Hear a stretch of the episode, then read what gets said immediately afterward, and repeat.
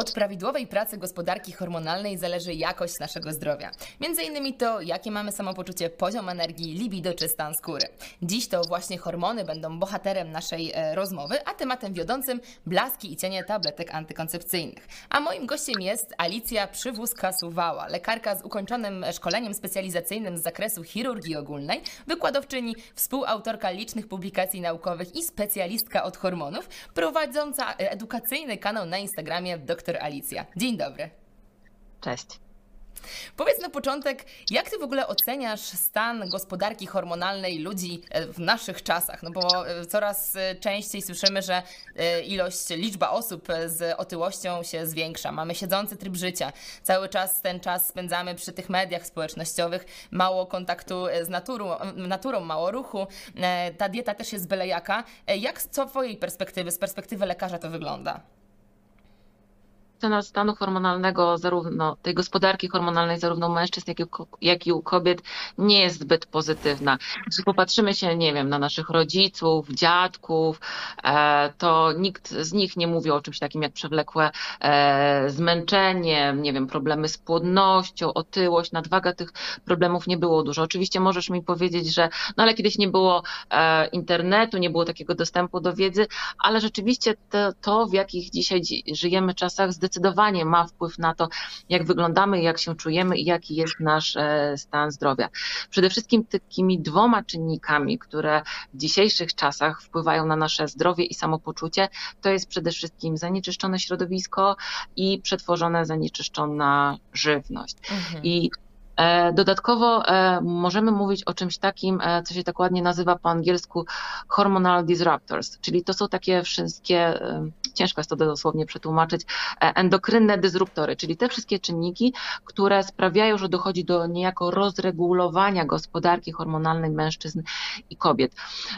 O co chodzi? To są takie substancje naturalnie występujące w żywności, w środowisku lub zaliczane do zanieczyszczeń. I jakie to są substancje? Na przykład bisfenole, wtalany, mm, dioksyny, różnego rodzaju E, składniki, nie wiem, e, żywności, nawozów, czyli to są takie substancje, które są obecne, nie wiem, w opakowaniach e, żywnościowych, w chemii gospodarstwa domowego, w odzieży. Generalnie wszystko to, co nas otacza, możemy sobie wyobrazić, że jest to jedna wielka chemia te cząsteczki przenikają do naszego organizmu. Czy wiesz, że jak ostatnio badali, badano noworodki, to w ich organizmie stwierdzano już śladowe ilości randapu, czyli tego sztucznego nawozu, w związku z czym my już od takiego dzieciństwa jesteśmy eksponowani na takie różne mm, negatywne substancje negatywne substancje, e, które niestety rozregulowują nasze zdrowie i gospodarkę hormonalną, więc fakt, że dzisiaj wszyscy czują się źle, są przemęczeni, mają tendencję do tycia. Oczywiście jest to zasługa tego, że coraz gorzej się odżywiamy, mamy mało ruchu i siedzimy e, z nosem w smartfonie, mhm. ale generalnie te inne czynniki też naprawdę w sposób znaczący będą tutaj wpływać ujemnie na nasze zdrowie i fakt, że będziemy mieć tą tendencję mm, do tycia. Mhm. No bo właśnie tutaj, tak jak z tego co powiedziałeś o tych czynnikach, to są takie też czynniki no, niezależne od nas, no bo co ten noworodek, że tak powiem, jest e, tutaj e, winny, on nie zdążył jeszcze właśnie mieć tego złego stylu życia, prawda, a, a już jakby no, startuje z, z takim stanem organizmu, więc m, mm, tak naprawdę z tego co powiedziałaś, to mam wrażenie, że troszeczkę nie jesteśmy w stanie tutaj, możemy mieć wpływ, ale ograniczony. No tak, ale oczywiście też takie powiedzenie, no, że nie mamy na to wpływu, oczywiście mogłoby sprawić, że będziemy tutaj spoczywać na laurach i stwierdzimy, że z góry jesteśmy predysponowani, że jest to samo spełniająca się przepowiednia, tak. ale generalnie my mamy duży wpływ na to, e, co nas otacza, to e, nie wiem, jaką żywność kupujemy, w jakich opakowaniach, e, nie wiem, jaką chemię gospodarstwa domowego stosujemy. Także my mamy na to wpływ. Oczywiście trzeba mieć tylko świadomość tego i trzeba wybierać mądrze i mądrze kupować. Okej, okay, to jest pocieszające, zdecydowanie. No dobra, powiedz, jakie najczęstsze są teraz e, zaburzenia hormonalne, z którymi się spotykasz? E, no, oczywiście tutaj e, te zaburzenia u kobiet i u mężczyzn są bardzo podobne. Ja najczęściej widzę, e, no, najczęściej się mówi o problemach związanych z tarczycą, ale nie wydaje mi się, tak jak ja patrzę na moich pacjentów i na te problemy, z którymi przychodzą, to nie jest ten główny problem. Najczęściej to są problemy pod tytułem niedobory hormonalne, zarówno u mężczyzn, jak i u kobiet. I te właśnie to środowisko, ta, ta dieta i też oczywiście styl życia, które prowadzimy, też skazują nas na niedobory hormonalne. Mhm. Tarczyca w drugiej kolejności jak, jak najbardziej, e, ale najczęściej jednak te niedobory hormonalne. Mhm. A, a co to znaczy niedobory hormonalne? E, jak my, skąd my mamy o tym e, wiedzieć? Jak to się może, w sensie, o jakie dokładnie tutaj niedobory masz, masz na myśli? E, u mężczyzn mówimy o niedoborze, nie sprecyzowałam, u mężczyzn mówimy o niedoborze testosteronu, u kobiet e, niedobory estradiolu i progesteronu, czyli jakby niedobory tych e, płciowych hormonów. Okay. O, tak nawet precyzuję. Jak możemy to wiedzieć? Oczywiście, wiesz, jeśli czujemy się źle, jesteśmy przewlekle zmęczeni, mamy tendencję do tycia, Wiadomo, że w pierwszej kolejności powinniśmy rozważać nasz styl życia i zastanowić się, co my możemy sami zrobić dla siebie, ale jeśli generalnie wszystko to, co robimy, nie wiem, dieta, aktywność fizyczna, regeneracja, dbałość o suplementację, o wybory żywieniowe, tu wszystko jest takie naprawdę tip-top, a pomimo tego my dalej źle się czujemy, wtedy konieczne jest wykonanie takiej pełnej, szczegółowej diagnostyki hormonalnej, żeby zobaczyć, bo oczywiście złe samopoczucie to jest pojęcie bardzo takie szerokie, jest wiele różnych czynników, chorób, niedoborów, które mogą doprowadzać do takiego stanu rzeczy. Niemniej jednak należy tutaj zróżnicować konkretnie o co chodzi i zanim wydamy te milion złotych na super suplementy, to warto zdiagnozować o co chodzi i konkretnie zadziałać u podstaw przyczynowo. Mhm. I, i te, te właśnie u, u, tych podstaw przyczynowo to będzie, rozumiem, to, to wszystko, co powiedziałaś wcześniej, tak? Czyli to, co nas tutaj e, doprowadziło. Czy y, dodatkowo y, będziemy potrzebowali wspierać się tą terapią hormonalną, że tak to ogólnie nazwę? Wiesz co, to zależy, bo jeśli mamy osobę, która niezależnie czy to jest mężczyzna, czy to jest kobieta, to chcielibyśmy e, przed włączeniem jakiejkolwiek hormonalnej terapii zastępczej e, doprowadzić do e, naturalnego przywrócenia hormonów. I to jest takie piękne, piękne stwierdzenie, niejako taki trochę złoty gral endokrynologii, coś, co my wszyscy chcielibyśmy, bo wiadomo, że czy ty, czy ja, my chciałybyśmy mieć naturalnie dobre hormony, wysokie poziomy tych hormonów, a nie przyjmować je z zewnątrz. I to by chciał każdy. Niestety Niestety nie u każdego udaje się e, w sposób naturalny przywrócić te hormony.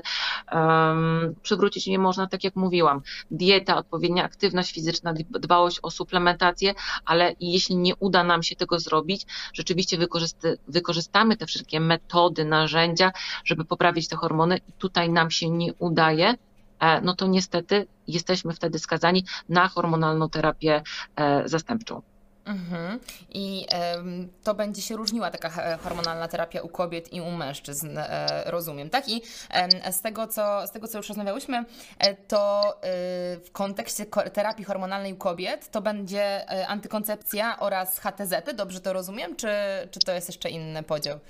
E, Wiesz co, to zależy, bo jeśli mówimy o takich młodych, miesiączkujących jeszcze kobietach, to rzeczywiście mówimy, formą e, hormonalnej terapii zastępczej jest tutaj antykoncepcja hormonalna. Antykoncepcja hormonalna, czyli zazwyczaj to jest taka dwuskładnikowa, e, już ja tutaj nie rozróżniam, czy to jest mhm. pigułka, implant, czy cokolwiek innego. E, możemy mówić o tej dwuskładnikowej, czyli ze składową estrogenową i progestagenną lub jednoskładnikowa, czyli progesteronowa, a jeśli kobieta taka młoda dodatkowo ma ma niedobór męskich, płcio, męskich hormonów płciowych, to jeszcze jest ta składowa androgenowa, testosteron lub niekoniecznie. Natomiast jeśli mówimy o kobietach w takim okresie okołomenopauzalnym, już pomenopauzalnym, to taka hormonalna terapia zastępcza oprócz składowej estrogenowej, progesteronowej i jeszcze zazwyczaj dodatkowo um, powinniśmy tutaj dołączać tą składową androgenową, ponieważ kobiety starsze są, e, u takich kobiet o wiele częściej stwierdza się niedobór też androgenów. Mhm, mhm. E, Okej, okay, to w takim razie na razie tutaj zostając przy tych tabletkach e, antykoncepcyjnych, no bo znamy ich e, zastosowanie takie, które zna większość z nas tutaj w, społeczeństwie, czyli antykoncepcja. Natomiast ją też się stosuje w różnych innych sytuacjach, tak jak powiedziałaś, między innymi regulacja, tak jak rozumiem, hormonów. Ja też się często spotykam, że są osoby, które mówią o tym, że otrzymują antykoncepcję w kontekście chociażby poprawy jakości skóry, walki z trądzikiem Czy są jeszcze jakieś przyczyny, kiedy ta antykoncepcja jest włączana właśnie z przyczyn innych niż stricte antykoncepcja?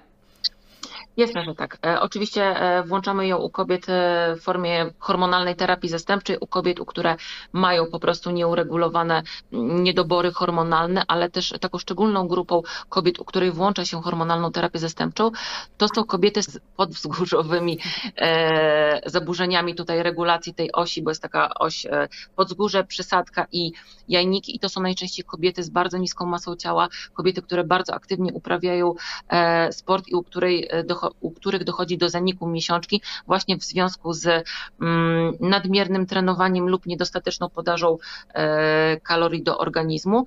E, I wtedy to też należałoby postrzegać jako hormonalną terapię mm, zastępczą, przy czym e, jakby jest to forma hormonalna hormonalnej terapii niejako przejściowo, bo w momencie, kiedy ta kobieta zwiększy swoją masę ciała, przestanie trenować, wtedy jest możliwe niejako odwrócenie tego procesu i naturalne przywrócenie mm, hormonów. Kolejnym takim wskazaniem, kiedy możemy rozpatrywać e, podawanie czy antykoncepcji, czy hormonalnej terapii zastępczej. Ja czasem będę te, mm, te pojęcia używać troszkę wymiennie. To jest na przykład e, wszelkie te takie mm, jednostki chorobowe, gdzie dochodzi do nadmiaru, e, nadmiernej produkcji męskich hormonów płciowych, czyli e, chociażby w insulinooporności u kobiet e, z nadwagą, z lub bez e, e, zespołu policystycznych jajników, bo to najczęściej w przebiegu tych takich zespołów z nadmiarem androgenów dochodzi właśnie do, do trądziku i właśnie też w takim wskazaniu włącza się tutaj jako tą hormonalną terapię zastępczą czy antykoncepcję. Natomiast też musimy pamiętać, że to nie jest takie leczenie stricte przyczynowe, tylko niejako takie trochę nalepianie plasterka. Mhm mhm. doraźne rozwiązywanie tego problemu. I o tym musimy pamiętać i musimy porozmawiać tutaj z taką kobietą, która planuje mm, tego typu leczenie. Mhm. No właśnie, bo to, to, to jest dla mnie ciekawe, na ile y, właśnie w jaki sposób w zasadzie planowany jest taki proces, y, bo e, ja sama byłam osobą, która lata temu właśnie na skutek zbyt niskiej masy ciała, zaburzeń odżywiania, straciłam miesiączkę na, na jakiś dłuższy w zasadzie czas. Otrzymałam wtedy hormonalną terapię zastępczą, nie pamiętam dokładnie co to było, bo to już było dawno temu. Natomiast, natomiast biorąc to, po prostu lekarz powiedział, że mam to brać, no nie? Nie? I jakby biorąc to, no też nie, nie wiedziałam, e, czy, czy już działa dobrze, czy nie, więc sama pamiętam, że na własną rękę to, e, oczywiście no nieodpowiedzialnie, ale na własną rękę e, to odstawiłam. W międzyczasie też praca nad tym, żeby przytyć, żeby jakby zadbać o swoje zdrowie na tym stylu życia. I ta miesiączka po paru miesiącach wróciła. Natomiast, natomiast ja też nie miałam sygnału wtedy od lekarza, jak ma wyglądać ten proces? Skąd my będziemy wiedzieli, że już działam, że tak powiem, dobrze? No bo skoro przyjmuję z zewnątrz hormony, no to, to, to nie mój organizm wywołuje menstruację, prawda? Ten, ten cały proces.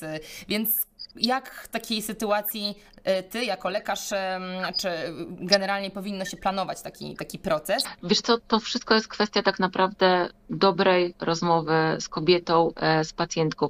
Wskazanie do włączenia takiej terapii zastępczej czy takiej antykoncepcji, ja mówię, że to jest tak naprawdę wszystko płynne i to mhm. zależy. I to też zależy od oczekiwań kobiety e, które, umówmy się, nie zawsze są e, zbieżne z oczekiwaniami lekarza pod kątem terapii. Często jest tak, że te oczekiwania się rozmijają, więc tutaj rzeczywiście mm, ważne jest, żeby przedyskutować to wszystko z pacjentką. E, ja to robię, wiadomo, że zawsze zdarza się tak, że ta terapia nie zawsze jest dobrana e, odpowiednio. Ja myślę, ja robię to zawsze tak. Ja zawsze przedstawiam takie dwie opcje leczenia pacjentce, mówię z czym się wiąże każda z tych opcji, jakie są plusy i minusy. Przykładowo, wyobraźmy sobie taki przykład, że mm, jest pacjentka na przykład z trądzikiem, e, to jest pacjentka z nadwagą, z zespołem policystycznych e, jajników, z insulinoopornością. No i dajemy takiej e, kobiecie na przykład antykoncepcję hormonalną, żeby na przykład przywrócić jej prawidłowy rytm miesiączek, żeby, mm, żeby pomóc jej w walce z trądzikiem, ale my musimy tej pacjentce powiedzieć, słuchaj, daję ci tutaj antykoncepcję na kilka miesięcy, będzie możliwe odstawienie jej po kilku miesiącach pod warunkiem, że zadbasz e, o dietę, schudniesz, uregu- bo próbujesz zrobić coś ze swoimi hormonami. Czytaj, my musimy, oprócz tego, że my w cudzysłowie nakleimy ten plasterek, zaproponować też takie leczenie tutaj podstaw i leczenie przyczynowe. Bo jeśli my się z tą pacjentką spotkamy za pół roku i ona nie schudnie, nic ze sobą nie zrobi, nie zmieni swojego stylu życia, niech nie spodziewa się, e, że po odstawieniu tych hormonów, bo umówmy się, jak ona odstawi te hormony, ona wraca do punktu wyjścia, wraca Mhm. do tego, co miała, bo żadne hormony nie naprawiają per se e, przyczyn niedoborów hormonalnych. Doraźnie rozwiązują problem, więc trzeba tutaj porozmawiać. Z jednej strony dajemy tą antykoncepcję hormony, ale z drugiej strony informujemy pacjentkę, że e, dieta, styl życia, suplementacja, schudnięcie, też leczenie dermatologiczne oczywiście jest tutaj ważne w tak zwanym międzyczasie. E, Masz kilka miesięcy i jeśli będziesz chciała, jeśli ci się uda przez ten okres czasu, nie ma problemu, możemy podjąć próbę e, odstawienia tych e, hormonów. To jest też tak, że pacjentki, ja zawsze daję takie dwie opcje i mówię, masz decyduj co chcesz, bo nie każda kobieta jest po prostu przygotowana na to. Niektóre myślą, ojej, sześć miesięcy antykoncepcji, potem to odstawię i wszystko będzie fajnie. A to tak nie do końca jest. I to jest tak, że czasem pacjentki, nie wiem, dajemy ten czas, starają się schudnąć, poprawić swoje hormony, no nie udaje się. E, To jest to, co mówiłam, naturalne przywrócenie hormonów. To jest taki trochę złoty gral. Nie każda pacjentka, nie każdej pacjentce się udaje i niektóre są rzeczywiście skazane na hormony do końca e, życia, a niektóre pacjentki są takie, że no zwyczajnie nie starają się, po prostu dostają hormony, czuję, czuję się fajnie, wyglądam dobrze, po co ja się będę e, starać tak naprawdę. Taka kobieta nie schudnie, nie zadba o, o swój styl życia, tylko niektóre po prostu chcą mieć takie doraźne rozwiązanie problemu, więc to wszystko bardzo mocno zależy od oczekiwań pacjentki, Mhm. od tego, jak ona się, że tak powiem, podporządkuje i mówię, trzeba por- porozmawiać. Ja nie zawsze uważam, że trzeba włączać e, hormonalną terapię zastępczą, wręcz namawiam do tego pacjentki, żeby starały się niejako przynajmniej żeby spróbowały przez te kilka miesięcy naturalnie naprawić swoje hormony. Jeśli rzeczywiście mm, nie ma takiej możliwości, nie udaje się przy pomocy wszelkich, wszelkich starań, wtedy jak najbardziej widzę takie wskazania. Ale tu mówię, wszystko zależy od em, kobiety.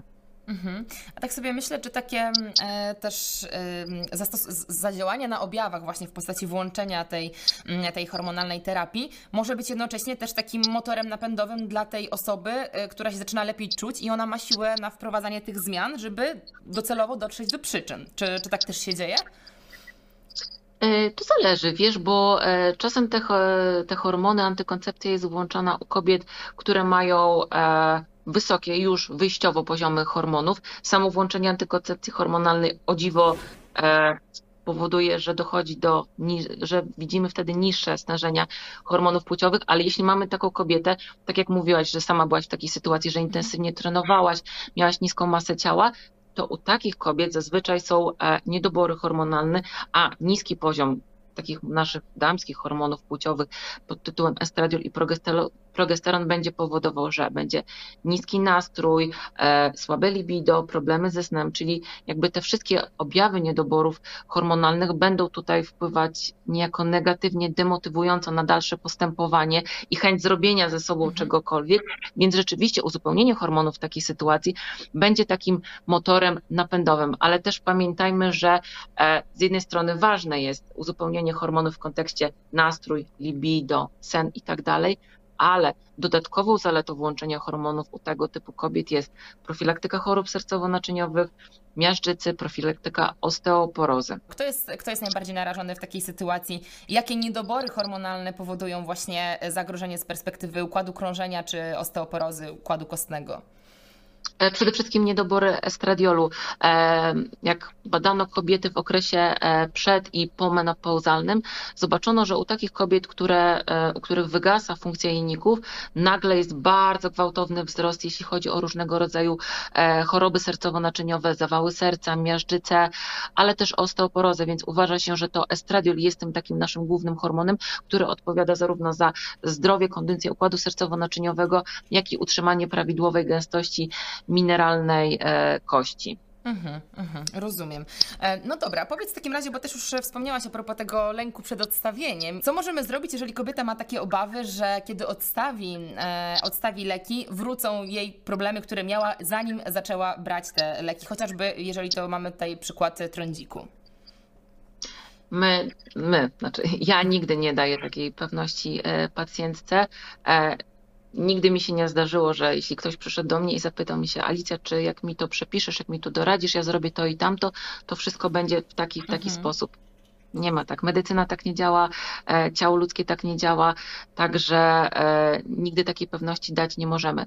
Jeśli na przykład widzimy taką osobę, która, nie wiem, przez pół roku, przez rok brania takich hormonów, widzimy, że zrobiła ogromne podstępy, zredukowała masę ciała, e, nie wiem, e, zadbała o suplementację, e, o regenerację, o dietę, o wszystko, wszystko i widzimy, że jest taka szansa, żeby odstawić, super, porozma- należy porozmawiać wtedy z taką kobietą, powiedzieć jej, że oczywiście jest możliwość dalszych zaburzeń hormonalnych po odstawieniu. Zresztą też samo odstawienie mm, hormonów w jakiejkolwiek postaci e, niestety sprawia, że e, mamy taki okres przejściowy związany z niedoborem hormonów, bo wiesz, podawanie jakichkolwiek hormonów z zewnątrz sprawia, że dochodzi do zablokowania przysadki i też naszej e, takiej naturalnej produkcji, jeśli chodzi o estrogen i progesteron. W związku z czym, jeśli my nagle odstawimy jakiekolwiek hormony, to z jednej strony nie podajemy ich z zewnątrz, a z drugiej strony nie mamy własnej produkcji hormonów, więc zawsze przez kilka tygodni będzie taki gorszy okres, gdzie będziemy narażone na niedobory hormonalne i tak to niestety jest. E, dlatego też e, trzeba tutaj uprzedzić o takiej możliwości, że może być taki gorszy okres, natomiast po, później te hormony powinny się, e, powinny się w jakiś sposób normować. Pamiętajmy, że jeśli zadbamy tutaj o takie ogólnie nasze zdrowie metaboliczne, czyli nie wiem, e, masa ciała, cholesterol, niedobory, no tych czynników, tych rzeczy w tym worku jest bardzo dużo, mhm. to nasze zdrowie metaboliczne będzie się bezpośrednio przekładać na zdrowie hormonalne. Więc jeśli przez ten okres, kiedy kobieta brała hormony, dużo w cudzysłowie udało się poprawić, to jest też duża szansa na to, że e, te hormony będą lepsze, ale to oczywiście też zależy od tego, jaka była przyczyna niedoborów hormonalnych, czy nam się udało tą przyczynę wyeliminować. Mhm, mhm, rozumiem. A e, z czego wynika, że część osób po wprowadzeniu terapii hormonalnej, w tym antykoncepcji, może się źle czuć? Czy to świadczy o tym, że ta, to jest wtedy źle dobrana terapia? To się tak mówi e, trochę, że to jest źle dobrana terapia. Tak naprawdę każdy dowolny rodzaj antykoncepcji hormonów będzie inaczej działał na inną kobietę, ponieważ każda z nas bardzo indywidualnie metabolizuje mm, hormony i tak naprawdę to, czy e, będzie to dla nas dobrze dobrana antykoncepcja niejako wyjdzie nam w trakcie. Często my z góry nie jesteśmy w stanie przewidzieć jakby skutków włączenia danych e, hormonów. Natomiast e, ja jestem zwolennikiem tak zwanej e, nowoczesnej, nowoczesnej antykoncepcji. Co to znaczy? Mm, od roku, od roku myślę, myślę, że nie od dwóch, od roku jest dostępny na przykład na rynku polskim dwuskładnikowa antykoncepcja hormonalna z tak zwanym natywnym estradiolem czyli eterolem. Tutaj jako lekarz nie mogę używać, um, jaka to jest substan- jaka jest nazwa substancji, e, jaka jest nazwa handlowa preparatu. Natomiast jest tak zwana antykoncepcja z natywnym estradiolem, który jest stwierdzany w organizmie e, płodów i też w organizmie ciężarnej kobiety. I to jest o tyle fajna antykoncepcja, że jest bardzo mała dawka estradiolu, w związku z czym jest bardzo niskie ryzyko, nie wiem, incydentów zakrzepowo-zatorowych, jakichś problemów na przykład z retencją wody chociażby, a z drugiej strony ten mm, estradiol, e, estradiol daje o wiele mniejsze ryzyko w kontekście rozwoju chociażby e, raka piersi na przykład, też daje e, mniejsze zaburzenia hormonalne, bo najczęściej, najczęściej z tego co ja widzę, powodem tego, dla którego kobiety czują się źle na antykoncepcji hormonalnej jest to, że przede wszystkim przy podawaniu antykoncepcji dochodzi do spadku naszej, e, naszej własnej produkcji hormonów płciowych i często jest tak, że e, mimo tego, że wyjściowo miałyśmy dobry poziom hormonów e, płciowych, to po włączeniu tej antykoncepcji dochodzi do spadku poziomów nie? bo jesteśmy zależne tylko i wyłącznie od tego, co dostajemy z zewnątrz, a drugą przyczyną złego samopoczucia jest coś takiego jak wzrost stężenia SHBG. O co chodzi? SHBG to jest inaczej białko, globulina wiążąca hormony płciowe. Jeśli wyobrazimy sobie, że mamy jakąś całkowitą naszą pulę hormonów płciowych, zawsze jest tak, że duża część z nich jest zablokowana właśnie przez to SHBG, zablokowane i czytaj związane, czytaj nieaktywna w sposób biologicznie. To jest tak, jakbyśmy część naszych hormonów zamknęły po prostu sobie tutaj e, w szufladce i nie miałybyśmy do niego dostępu przy włączeniu hormonalnej e, terapii czy też antykoncepcji dochodzi do znacznego wzrostu stężenia SHBG.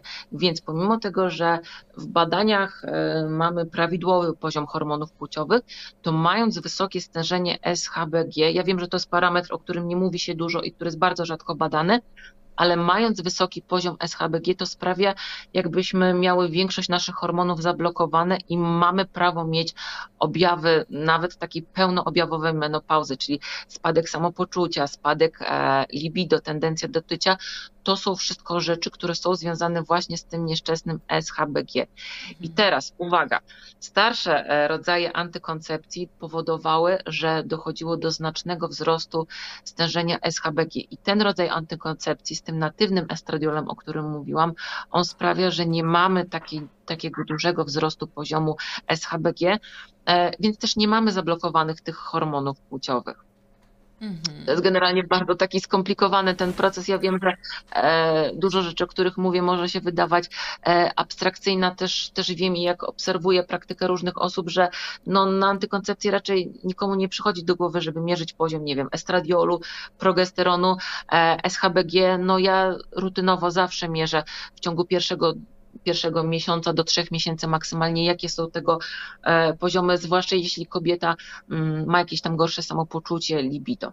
Mm-hmm, mm-hmm. No to, jest, to, są bardzo ważne rzeczy i tak jak z, z, tego, co mówisz, to rozumiem, że to właśnie nie jest y, wina antykoncepcji jako takiej, tylko y, właśnie też czy, czy, rodzaju preparatu, czy właśnie no tego, że musimy, jedno to jest tabletka i jakiś tam proces, drugi to jest człowiek i dopiero po zderzeniu e, widzimy, jak to działa i ewentualnie jakieś modyfikacje e, możemy e, wprowadzić. A powiedz mi w takim razie tutaj w tym, w tym kontekście, często po, pojawiają się, może nie często, ale ja spotykam się, spotykałam się z, z takimi opiniami też, że mm, ta antykoncepcja E, reguluje oczywiście te hormony płciowe, ale na przykład może wpływać negatywnie na pracę tarczycy. Natomiast e, nie wiem, czy to też chodziło o jakieś starsze preparaty, czy być może o, o, o jakieś niedookreślone procesy. Czy ty się e, spotkałaś z czymś takim, czy, czy antykoncepcja może jakoś negatywnie wpływać na jakieś obszary zdrowotne?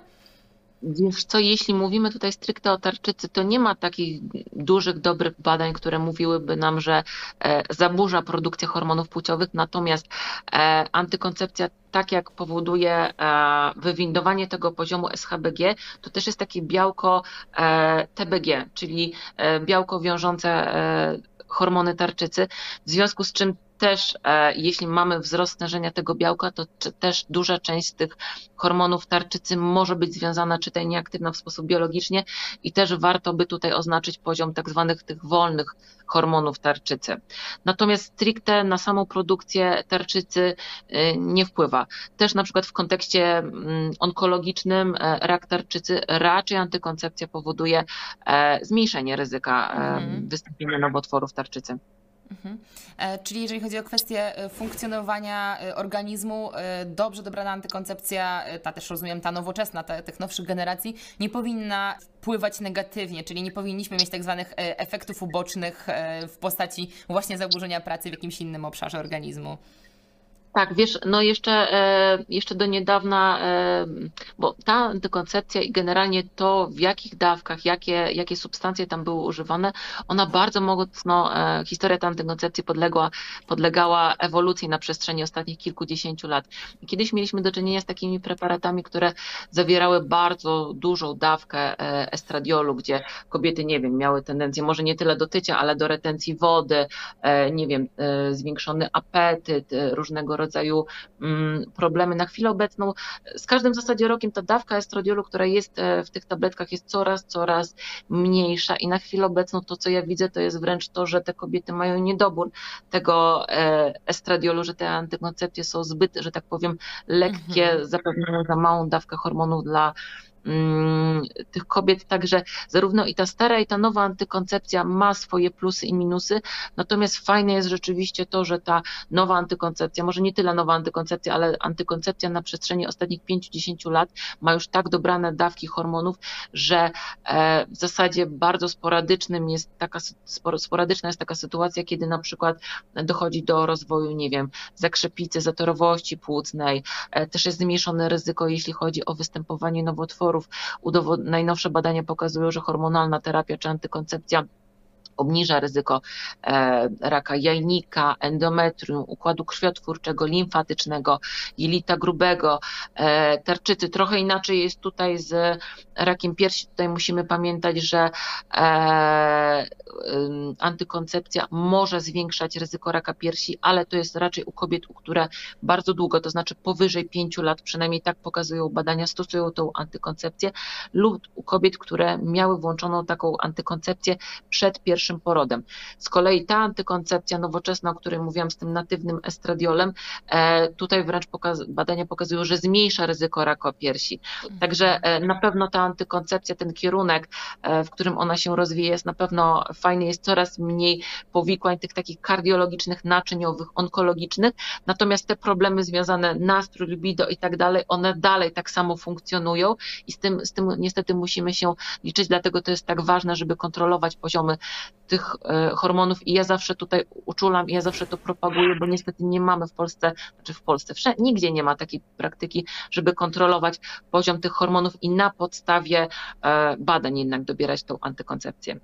Mhm. A jak często w takim razie taka kobieta, która mm, otrzymała od lekarza mm, antykoncepcję, jak często ona powinna właśnie wykonywać takie kontrolne badania i jak często powinna się konsultować, e, żeby to właśnie było pod jakąś kontrolą? Ja ci powiem tak. Nie ma żadnych wytycznych ogólnych lekar, ogólnolekarskich, które by mówiły nam, że w tym konkretnym czasie nie ma jakichkolwiek tutaj wytycznych konsensusów, nic. Ja osobiście to robię tak, że jak spotykam się z pacjentką po raz pierwszy na włączenie, mm, daję jej antykoncepcję na trzy miesiące i mówię, przyjdź do mnie z badaniami za trzy miesiące, chyba że wcześniej coś zacznie się dziać, to zrób proszę ten sam zestaw badań i przyjdź wcześniej i zobaczymy o co konkretnie chodzi. Czy to jest niedobór estradiolu, czy progesteronu, czy może za bardzo winduje ci to SHBG, bo tych przyczyn złego samopoczucia może być bardzo, bardzo dużo. Dawka hormonów może być za duża, może być za mała dla danej kobiety. Na przykład u mnie rzadko kiedykolwiek tak jest, że kobieta przyjmuje, tak jak to zazwyczaj się ma, e, jedną tabletkę antykoncepcyjną dziennie. Naprawdę bardzo rzadko.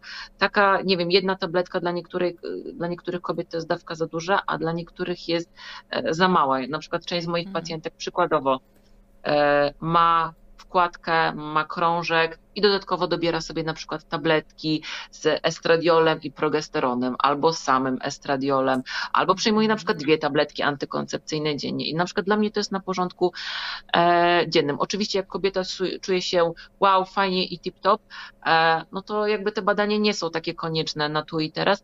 Natomiast jakiekolwiek działanie niepożądane, gorsze samopoczucie zmusza nas, żeby jak najszybciej zrobić te badania i konkretnie zobaczyć o co chodzi, z czego wynika gorsze samopoczucie. Mhm. A są jakieś przeciwwskazania do włączenia antykoncepcji w ogóle? U, u jakieś y, zdrowotne? E, nie powinno się e, na pewno e, stosować u pacjentek, które miały przebytego raka piersi, aczkolwiek jeśli chodzi o ten nowy rodzaj antykoncepcji, który ma za zadanie zmniejszać tutaj raka piersi jeszcze takich badań nie robiono, pomimo tego, że wykazano, że samo w sobie ta antykoncepcja zmniejsza ryzyko raka piersi. E, na pewno jeśli mamy kobietę, która ma e, duże ryzyko wystąpienia, nie wiem, zakrzepicy, zatorowości płucnej, czyli to jest na przykład, nie wiem, kobieta z przewlekłą niewydolnością żylną, z żylakami, przebytą, nie wiem, zakrzepicą, zatorowością, paląca, otyła, e, to u takiej kobiety nie powinniśmy włączać tej takiej dwuskładnikowej antykoncepcji z estradiolem, tylko raczej e, jednoskładnikową antykoncepcję z pochodną progesteronową.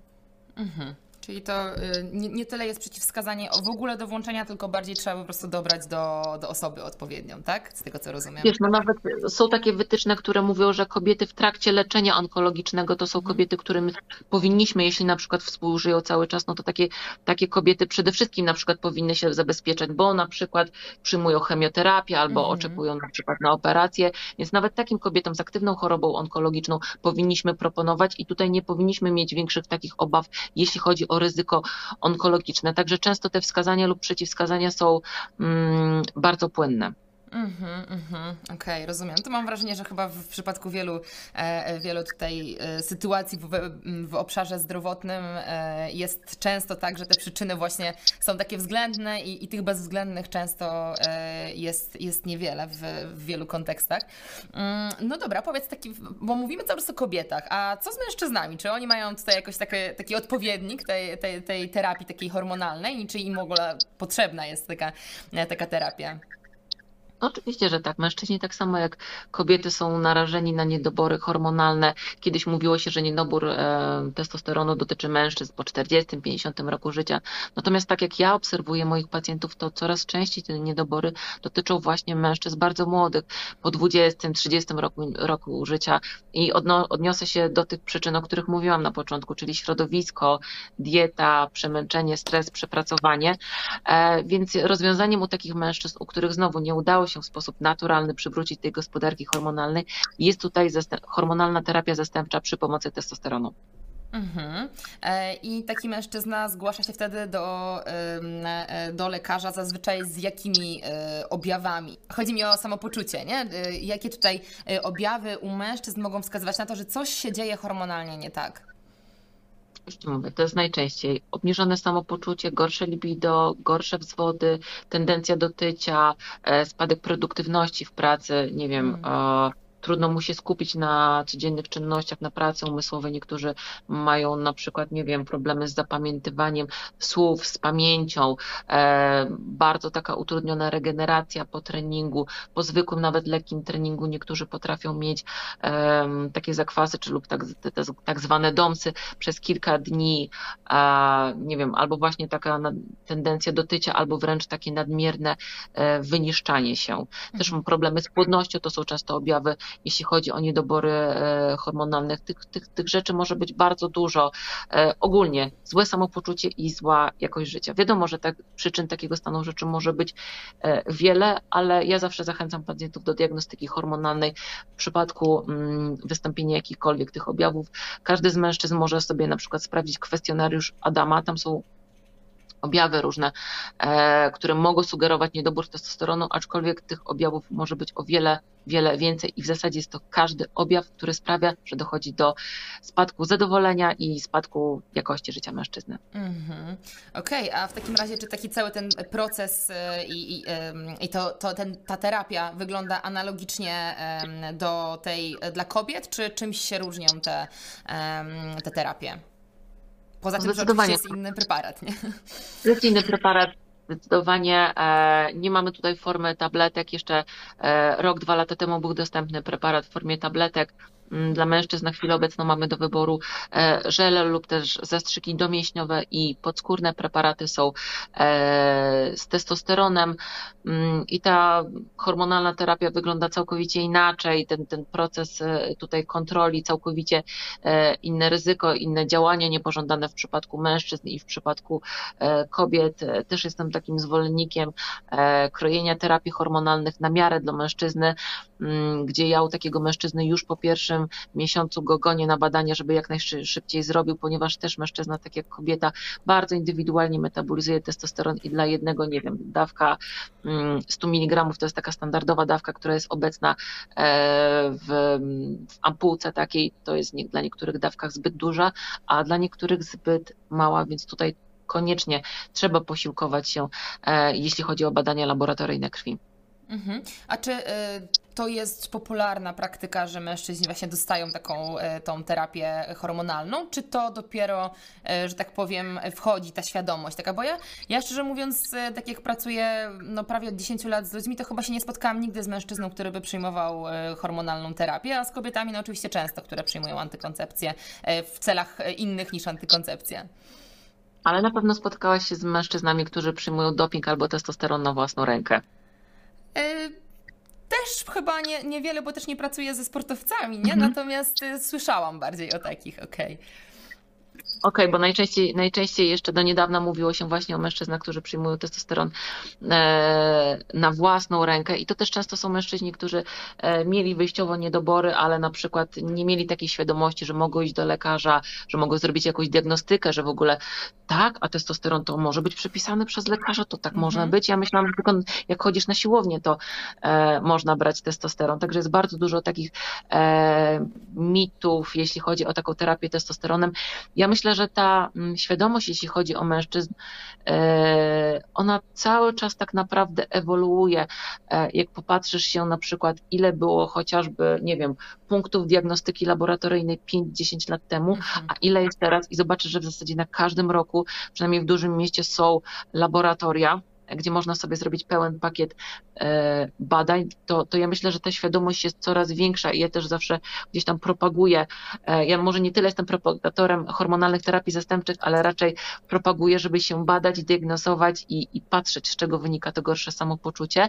E, ja uważam, że terapia hormonalna, terapia testosteronem jest naprawdę fajnym narzędziem, fajną możliwością i oczywiście możemy rozpatrywać utrzymanie wysokiego poziomu mm, testosteronu w kontekście samopoczucia, libido, wzwodów, ale pamiętajmy też, że utrzymanie prawidłowego wysokiego poziomu hormonów to jest też kwestia anti-agingu, profilaktyki chorób sercowo-naczyniowych i też profilaktyka nowotworów. Wykazano na przykład, e, że są takie nowotwory, e, które są predysponowane właśnie przez niedobory testosteronu.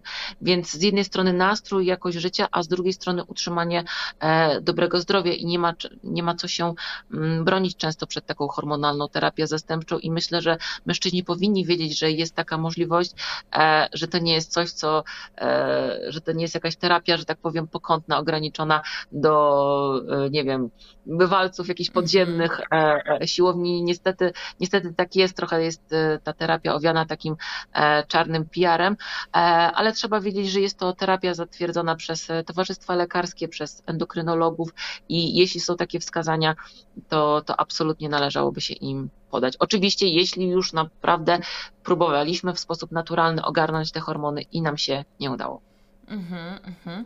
E, no właśnie ciekawi mnie, jak często e, mimo wszystko mężczyznom z niskim testosteronem taka terapia jest e, proponowana. Ty masz wrażenie, że to jest e, rzadka praktyka, czy, czy w Twojej, że tak powiem, kręgu e, lekarskim e, raczej to, to się już nagminnie stosuje, jeżeli jest potrzeba? No zależy. Ja widzę, że dalej jest taki duży opór, jeśli chodzi o lekarzy, e, endokrynologów e, w kontekście włączania hormonalnej terapii zastępczej, że dużo e, lekarzy jest niechętna albo boi się jakichś tam działań niepożądanych w związku z terapią zastępczą. Wiesz, no, dla mnie to jest na, na, na porządku dziennym, żeby proponować takim pacjentom hormonalną terapię zastępczą. Aczkolwiek, jeśli wyobrazi, jeśli wyobrazimy sobie takiego typowego pacjenta, który e, do mnie przychodzi, e, ja na chwilę obecną też nie pracuję głównie ze sportowcami, tylko pracuję z normalnymi 30-40-latkami, którzy mają e, rodzinę, pracę i jakoś tam hobbystycznie uprawiają sport dla samego siebie, to najczęściej jest to mężczyzna, który jest przepracowany, ma nadwagę, wręcz otyłość brzuszną, ma różnego rodzaju niedobory, bo oczywiście poszedł do lekarza. Wiadomo, że lekarz w ramach e, umowy kontraktu z NFZ ma możliwość wystawienia skierowania naprawdę na podstawowe badania pod tytułem morfologia, kreatynina, TSH. Nie wystawi skierowania na takie badania jak poziom witaminy mm, D, B12, żelaza, ferrytyny. E, raczej taką diagnostyką już zajmują się lekarze innych specjalizacji, e, więc zazwyczaj jest tak, że mężczyzna w tych okresowych badaniach nawet nie jest świadomy, że ma tyle problemów i tyle niedoborów. Więc jeśli przychodzi do mnie taki facet z różnymi niedoborami, z otyłością, ja zawsze przed włączeniem takiej terapii proponuję mu odchudzenie się. Dla mnie odchudzenie się, odchudzenie się, e, odchudzenie pacjenta to jest e, takie trochę naprawianie metabolizmu tego faceta, bo tak jak mówiłam w przypadku kobiet, zdrowie metaboliczne będzie się przekładać bezpośrednio na zdrowie hormonalne i na wydolność e, tej fabryki testosteronu, które są, którymi są jądra. Więc ja zawsze, jeśli widzę jakąkolwiek e, możliwość, proponuję mężczyźnie, aczkolwiek daję mu wybór. Słuchaj, możemy zrobić w ten sposób, w ten sposób, może nam się uda. Mhm. Jeśli rzeczywiście patrzy się na badania, patrzy się na mężczyznę, no, słuchaj, ja myślę, że tu nie jesteśmy w stanie nic więcej wyciągnąć naturalnie, to nie waham się włączyć takiej terapii. E, natomiast mówię, zawsze próbuję troszeczkę bardziej podrążyć i zobaczyć, czy jest, że tak powiem, jakaś inna deska ratunku dla mężczyzny, bo tak jest, że najczęściej ci mężczyźni zostają na tej terapii już przez wiele, wiele lat, niejako do końca życia. Mhm, ale dlatego właśnie, że nie chcą pracować na przyczynach? Nie, nie do końca tak jest. E, to jest dlatego, że a, wiesz, Włączenie hormonalnej terapii zastępczej wiąże się z tym, że dana osoba, nie wiem, ma dobry nastrój, jakość życia, libido, jest super produktywna z pracy. Każda osoba lubi się dobrze czuć, lubi mieć dobrą jakość życia i to jest niejako uzależniające w sposób taki psychiczny. Więc ja się nie dziwię tym osobom, e, które wcześniej e, męczyły się niejako przez wiele lat, e, że one po prostu chcą się dobrze czuć i chcą się tak dobrze czuć do końca życia. Do mnie najczęściej trafiają osoby, które już próbowały, nie wiem, diety, suplementację na naturalne podbicie hormonów, aktywności fizycznej. To są osoby bardzo świadome, które nierzadko chodziły już po wielu różnych lekarzach, specjalistach, dietetykach, psychologach i naprawdę na każdy możliwy sposób próbowały naturalnie sobie poprawić te hormony. Więc jeśli u takich osób się nie udało, e, wtedy jak najbardziej proponuję im hormonalną terapię e, zastępczą. Czasem jest tak, że oczywiście osoba, nie wiem, otyła z różnymi problemami decyduje się na włączenie hormonalnej terapii zastępczej i ja tego nie neguję i ja tego nie krytykuję, bo wierz mi, jeśli przychodzi mężczyzna który, nie wiem, któremu rozpada się małżeństwo, ma depresję, zaburzenia wzwodu, który mówi mi, Alicja, wiesz, dla mnie każdy kolejny dzień jest po prostu męczarnią, ja przyjmuję dwa, trzy leki psychiatryczne, e, ja, ja muszę się dobrze czuć i teraz. To jeśli włączymy takiemu facetowi hormonalną terapię, odchudzimy, poprawimy mu profil metaboliczny, jak najbardziej zawsze proponuję wtedy e, możliwość odstawienia testosteronu z czasem. Udaje się, super nie udaje się trudno. To nie jest tak, że udaje nam się osiągnąć ten balans hormonalny u każdego, pomimo nawet e, najszczerszych chęci, pomimo odchudzenia, poprawy stanu metabolicznego. Mhm. A czy są jakieś mity właśnie dookoła tej, tej e, terapii dla mężczyzn, tej terapii testosteronem? Bo, e, bo wydaje mi się, że gdzieś spotkałam się z, z, z informacją, że wiele osób e, wierzy, znaczy wierzy, że wiele osób mówi o, o, o ryzyku z tym związanym, chyba w kontekście nowotworowym, jak dobrze pamiętam. Prawidłowo, prawidłowo. Dobrana terapia zastępcza e, nie wiąże się ze zwiększonym ryzykiem onkologicznym. Mm, to jest też taki mit, że właśnie e, testosteron może powodować e, całą masę różnych powikłań.